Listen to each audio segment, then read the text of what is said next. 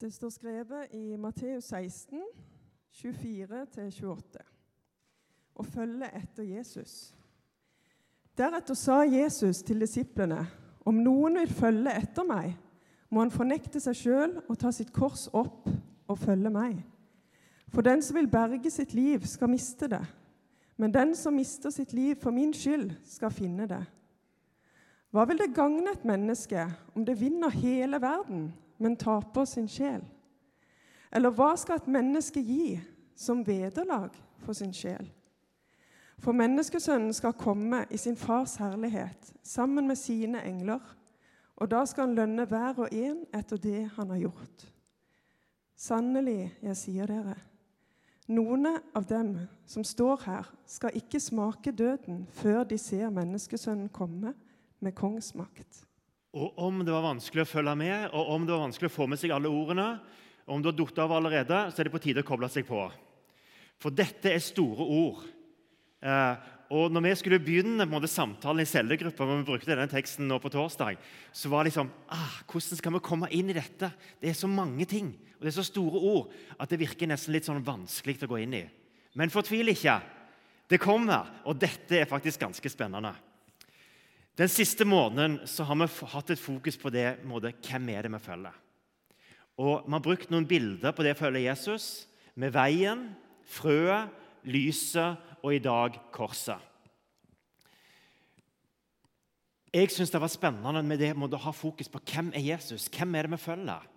Jesus, han som leder meg på veien som den gode hyrde, han leder med godhet og omsorg, og han leder med frihet, ikke makt. Det var med måte i forhold til hyrden. Det er det lille som har potensial til å bli noe stort. Det å investere noe ledertrening i en 7., 8., 9. klassing og se hva det kan bety i forhold til både å følge Jesus, men òg vokse som menneske. Det lille som har potensial til å bli så stort. Slik er det med Guds rike. Lyset, verdens lys. Han som sier at han ikke bare er lys for oss som sitter her i kirka, men han er lys for alle som bor på Ålgård. Han er lys for hele verden. Det er liksom det enormt store. Jesus kan gi håp. Jesus kan gi noe nytt til hvert menneske på denne jorda. Uavhengig av kultur, uavhengig av personlighet, uavhengig av historie, så har Jesus noe helt spesielt å gi til hvert menneske. Og så har vi kommet til korset. Korset i dag. Og Jeg har lyst til å begynne litt baklengs i forhold til den teksten vi leste.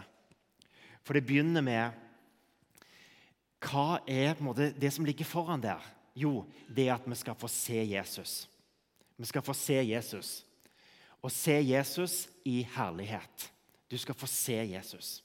Det er liksom der må det slutte. Eh, og jeg tenker det at eh, det er, det er verdt å holde ut. Det er verdt å fortsette på denne veien. Fordi at underveis så vil vi se Jesus tydeligere og tydeligere. Det er derfor jeg følger Jesus, fordi at jeg kan få stadig nye glimt av hvem han er. Men så er det liksom det der, da begynner vi å rykke litt tilbake igjen. det der, Han skal lønne enhver etter det han har gjort. Jeg trodde vi var, var vi ikke ferdige med Var det ikke nåde det gjaldt? det her? Og så kommer litt sånn, sånn belønningsgreier. Men når du tenker litt Det å få lønn for strevet Bare for å bruke det bildet. Det å få lønn for strevet Stort sett når jeg bruker det ordet, så tenker jeg verken materielt penger eller rikdom eller velstand, eller jeg tenker posisjon. Lønn for strevet handler om at du gjør en innsats, og så opplever du at det er så meningsfylt. At det betyr en forskjell. Og du får litt lønn for strevet. Er dere med på det? At lønn for strevet er sjelden penger eller posisjon. Og Det er der Bibelen også må begynne å snakke om hva er det på en måte som er lønn for strevet. Hva er det på en måte av belønning i dette? Disiplene lurte på hva skal vi få igjen for dette. Vi har jo ofra så mye. Hva skal vi få igjen? Hvem skal være størst? Og så sier Jesus vet du hva? det der begynner bare helt feil ende. Fordi at i himmelen så betyr materielle ting ingenting. Og i himmelen så betyr ikke posisjonene noe. Og Så tar han et barn og så løfter han det opp. Den eneste plassen vi får litt sånn små diskusjoner på posisjon, det er Johannes' åpenbaring. Og Der står det jo ganske mye som er litt vanskelig å forstå. De 144 000 som måtte skal stå på toppen, og så de tolv eldste. og så, ja, Der får du masse sånne bilder av noen som skal sitte på troner og regjere. og litt sånne ting. Men, men det, det, er jo ikke der Jesus er når han snakker om hva er belønningen. Hva er det som gjør det verdt å følge Jesus? Da er det helt andre ting han snakker om. Og jeg har tenkt litt på en måte, Hva er dette her? det å ha en skatt i himmelen. Han som ser i det skjulte, skal lønne deg, står det. Stor er lønnen din for å følge Jesus. Det dukker litt opp flere ganger i Matteusevangeliet. Og det dukker opp som en belønning både her i livet og i evigheten. Så det, Begge perspektivene er der. Hva er da dette herre? Våre valg og våre handlinger betyr en forskjell i forhold til hvordan vi vil oppleve kristenlivet. Våre valg og våre handlinger betyr en forskjell i hvordan vi vil oppleve kristenlivet. Og Da snakker vi ikke om det som Jesus har gjort for, for oss på korset. Det gjelder på en uansett. Døra er alltid åpen. Men når Jesus sier 'be, så skal du få', Let, så skal du finne. Bank på, så skal det lukkes opp for deg. Så handler det noe om at det knytter løfter til det å òg gjøre konkrete ting i vår vandring med Jesus. Det er løfter. Du kan si at Det ligger en, en belønning altså, Om vi skal bruke sånne ord, er usikker på det. Men det ligger i hvert fall noe vi får igjen underveis, og som betyr en forskjell for oss. Og jeg tror at de tingene som betyr mest, det handler om glede. Det handler om begeistring. Og det handler om denne opplevelsen av å bety en forskjell. Jeg tror det er de største, den største lønnen vi kan glede oss over underveis glede, begeistring. Og denne opplevelsen av å bety en forskjell. Det gjør noe med oss, og det påvirker vår vandring med Jesus. Våre valg og våre handlinger er ikke likegyldige. De betyr en forskjell. Og Jesus drar det så langt at det også handler om disse etiske valgene våre. Det at Vi skal ikke bare si at det er ikke så farlig. Men han som ser i det skjulte, som kjenner oss, han bygger vår karakter og gjennom de valgene vi gjør i hverdagen. Når ingen andre ser, når det er bare du og dine valg, og det er ikke sikkert det blir oppdaga alt, så er det noe med det der, det å ta noen bevisste valg og bety noe. Å følge Jesus òg når det gjelder etiske ting, det betyr noe. På Skaperverkets dag så hadde Mikkel noen tydelige utfordringer også for til skaperverket. Uh, og Vi utfordrer oss i cellegruppa på det der. Hva er én ting? Hva er én ting som vi skal gjøre? Det betyr noe å ta noen sånne valg. Det er ikke likegyldig. Det å måtte jobbe for noe eller ta noen valg betyr noe. La merke at vandringen med Jesus òg påvirker valget min, og det gjør, det gjør noe med oss underveis i vandringen med Jesus. Er det nok om belønningssystemer? Er dere fornøyd? Det, det, jo, det, det, betyr jo noe. Det er noe. Be, så skal du få. Let, så skal du finne. Bank på, så skal det lukkes opp for deg. Men ikke i den forstand liksom, i forhold til pidestall eller i forhold til roller. Og For Jesus så handler det jo om at eh, det å vinne hele verden, men tape sin sjel, er ikke verdt det. Livet vårt betyr for mye for oss sjøl og for Gud. Det er verdt å kjempe for noe. Så da rykker vi tilbake mot starten i forhold til det å ta sitt kors opp. Ta sitt kors opp og følge meg. Korset har to bjelker, mot den vertikale og den horisontale. Og Jeg har lyst til å bare bruke det som to bilder på det å ta sitt kors opp.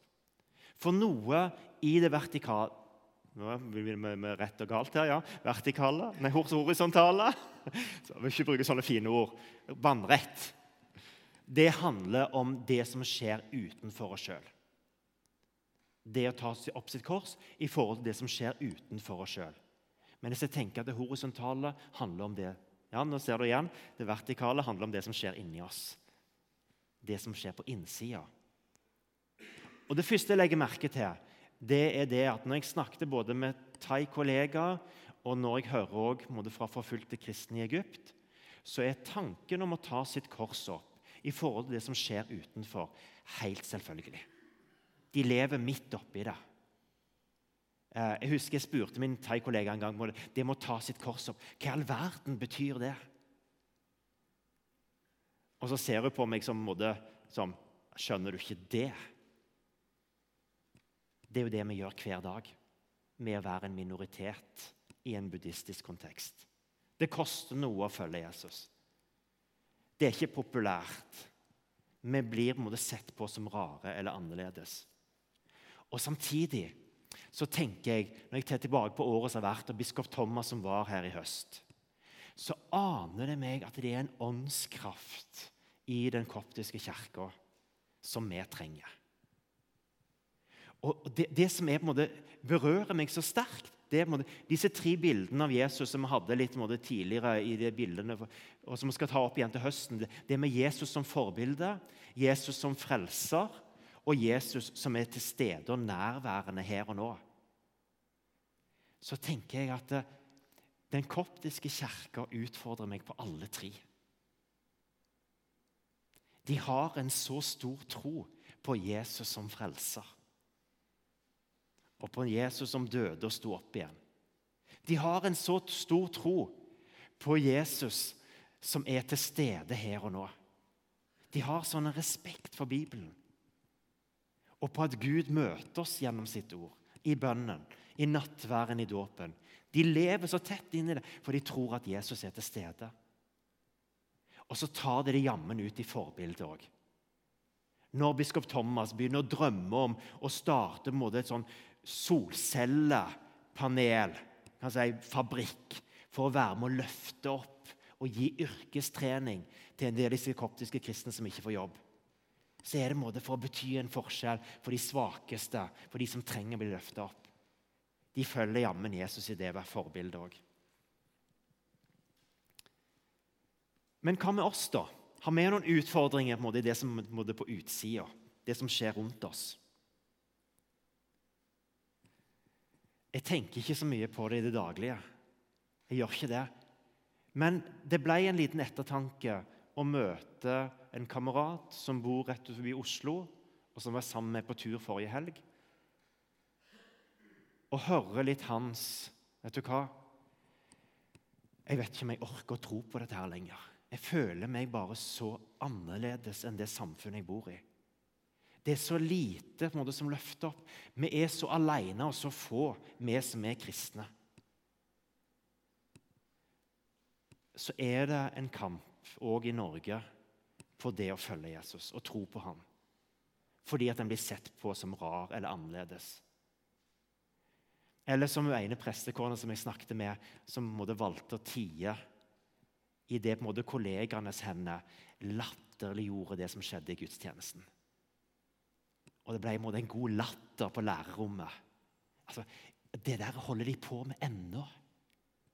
Brød og vin. Hva er det for noe? Og så var liksom den følelsen likevel at det, ah, det er tøft. Det er tøft å møte de kommentarene. Og Kanskje er det noen av ungene våre også, som møter kommentarer eller utfordringer som gjør at det, det er bare ikke, ikke, alltid like lett må du heise den fanen og si jeg, jeg tar opp mitt kors og følger Jesus. Så det er òg noe i det ytre som gjelder noen av våre trossøsken i Norge. Men samtidig så tror vi jo at det betyr en forskjell. Vi tror jo at det er noe å leve for. Og derfor er det verdt det. Derfor er det verdt måte å løfte det korset og følge Jesus. Og det var, Vi hadde en liten sånn spennende diskusjon her i lunsjen her om dagen. Der, der vi snakket om det. Hva er det vi ønsker å gi til ungene våre? Og Hva er det vi drømmer om for ungene våre? Jo, Jeg ønsker at de skal ha, ha det bra. Sant? Når de ikke har det bra, da betyr, betyr det ganske mye liksom, at de har det greit. I forhold til studier, komme inn på de skolene de vil, i forhold til å få seg jobb, kjæreste, ektefelle altså Alt det der måte, som handler om at livet skal være ok. Men så kokte vi ned til det egentlig. Den største ønsket som vi har for ungene våre, er at de skal være med å bety en forskjell. At de skal ha et større mål å leve for enn bare sin egen velferd og hva på en måte de klarer å realisere hos seg sjøl. Mister de det, så mister de sjela si. Da mister de det der måte, som betyr noe. Det må være der. Det må være noe å leve for. Og vi må gi ungene våre det. Og Kanskje kan det òg være noe av det som skal løfte opp fra alle psykiske utfordringer som er der. Så er det litt der, ja, Livet mitt betyr en forskjell. Jeg har noe å leve for. Jeg har Jesus, og Jesus vil være med og lede meg og hjelpe meg til å bety en forskjell. Jesus har en plan for livet mitt. Jeg bare tenker tilbake på den kraften det var i mitt eget liv som ungdom. Det der Gud har en plan med livet ditt. Jeg har noe større å leve for enn bare hvor mye jeg tjener på skatteseddelen. Det er en kraft i det der, i å følge Jesus. Men så handler det òg om innsida. Det handler om innsida. Måte å ta sitt kors opp. Og kanskje Jeg vet iallfall at det er min største utfordring. Og kanskje er det òg din største utfordring. Det var den største utfordringen for Peter. Og det handla om å leve med at ting ikke er fullkomment hos meg sjøl. Å leve med at jeg ikke presterer på alle de tingene som jeg skulle ønske at jeg klarte å få det til i forhold til kristenlivet. Det å kunne kjenne en sånn skam over meg sjøl eller fortvilelse over meg sjøl Hvorfor i all verden, Oddbjørn? Jeg tror det indre korset er òg noe vi må lære oss å bære. Og det er nettopp det Når Peter sier 'Jesus, du må ikke finne på å dø', så sier Jesus det. 'Ja, men det må jeg'. Og Så begynner Peter gradvis å skjønne at det, han, det som handler om følge med Jesus, det handler om at vi, er, vi, har ikke alltid det rette svaret eller de gode svarene. Vi har ikke alltid det å vise til som måte er så bra. Det er konflikter, det er sår, det er måte, de tingene i vårt egne liv som måte, ja, ikke går som vi ønsker. Og så kaller Jesus til å løfte opp det og bære hele tyngden av vårt eget liv inn til Jesus. Og kjenne at det er en kraft der som bærer oss og holder oss fast. Jeg vet ikke hvordan det er for deg, men for meg er det sånne småting som slår inn av og til og som bare gnager meg ned. Denne opplevelsen av å bli ønska velkommen på en sånn slutten av id-feiring nå, hos en syrisk familie og kjenne vet du hva, jeg har ikke lyst. Jeg orker ikke akkurat nå. Så gnager den litt med Oddbjørn. Du burde. Det å kjenne på at eh, alle reiser vekk i påsken. Hvorfor i all verden Gud skal være hjemme og feire påske i kirka? Jeg gidder ikke det, jeg heller. Og så bare si det til Gud. Og så tvinger jeg meg sjøl til å gå på langfredagsgudstjeneste. Oddbjørn, du må iallfall holde koken på noe. Sant? Altså, er dere med på følelsen? Har dere vært der sjøl? og så er noe av det, det der korset vi må bære, er litt det der ambivalente. Det som er motsetningsfylt hos oss sjøl, det er en del av det indre korset som må bæres. Skatten i leirkar.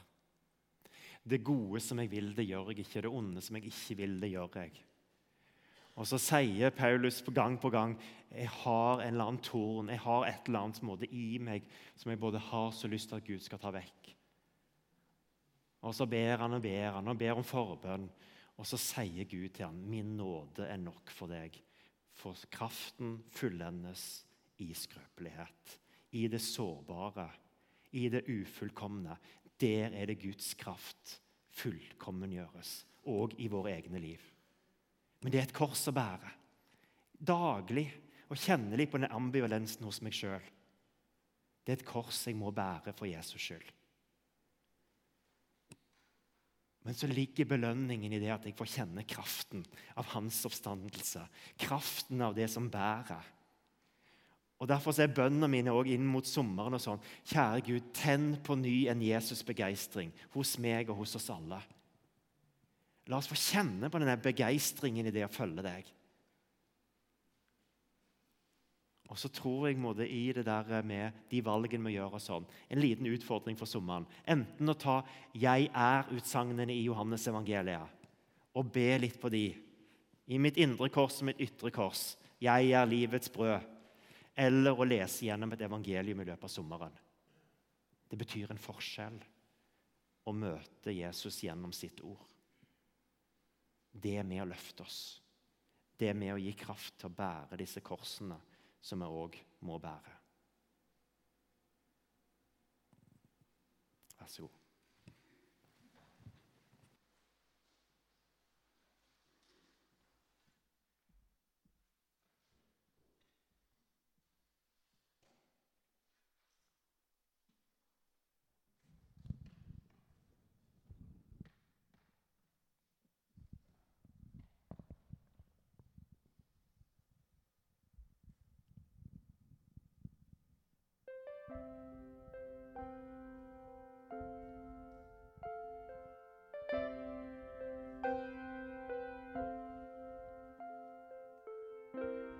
For alt jeg har, er en sti som ikke ender noe sted.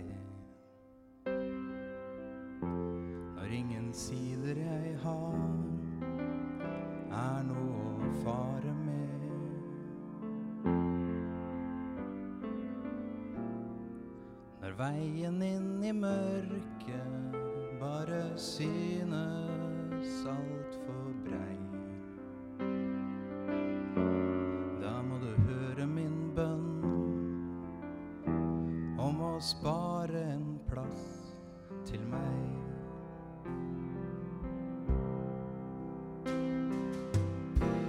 Når jeg går alle veier rundt min aller skrøpeligste bror. Når effekten av meg sjøl er større enn jeg tror. Og samvittigheta snur seg og bare ser en annen vei. Da er bønnen jeg har, at du må spare en plass til meg.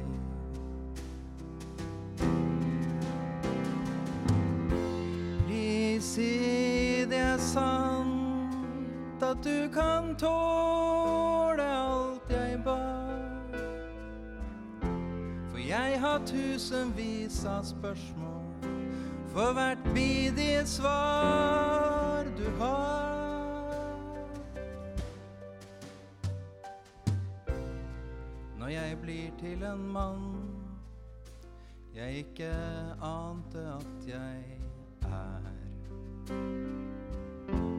For mine skjøreste netter tvinges ut i all slags vær. Prisen blir for høy for å følge etter deg, da er alt jeg har en bønn om at du sparer en plass til meg. Please si det er sant at du kan tåle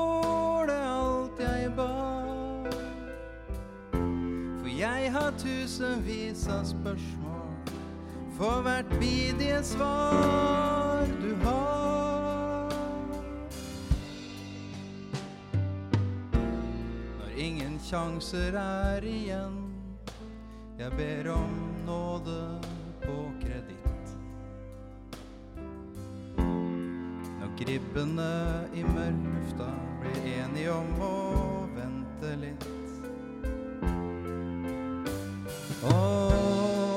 si det fins en Gud som har et rom igjen hos seg.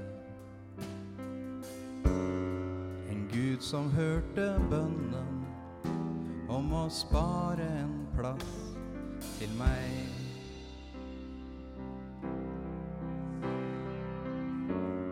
En Gud som hørte bønnen om å spare en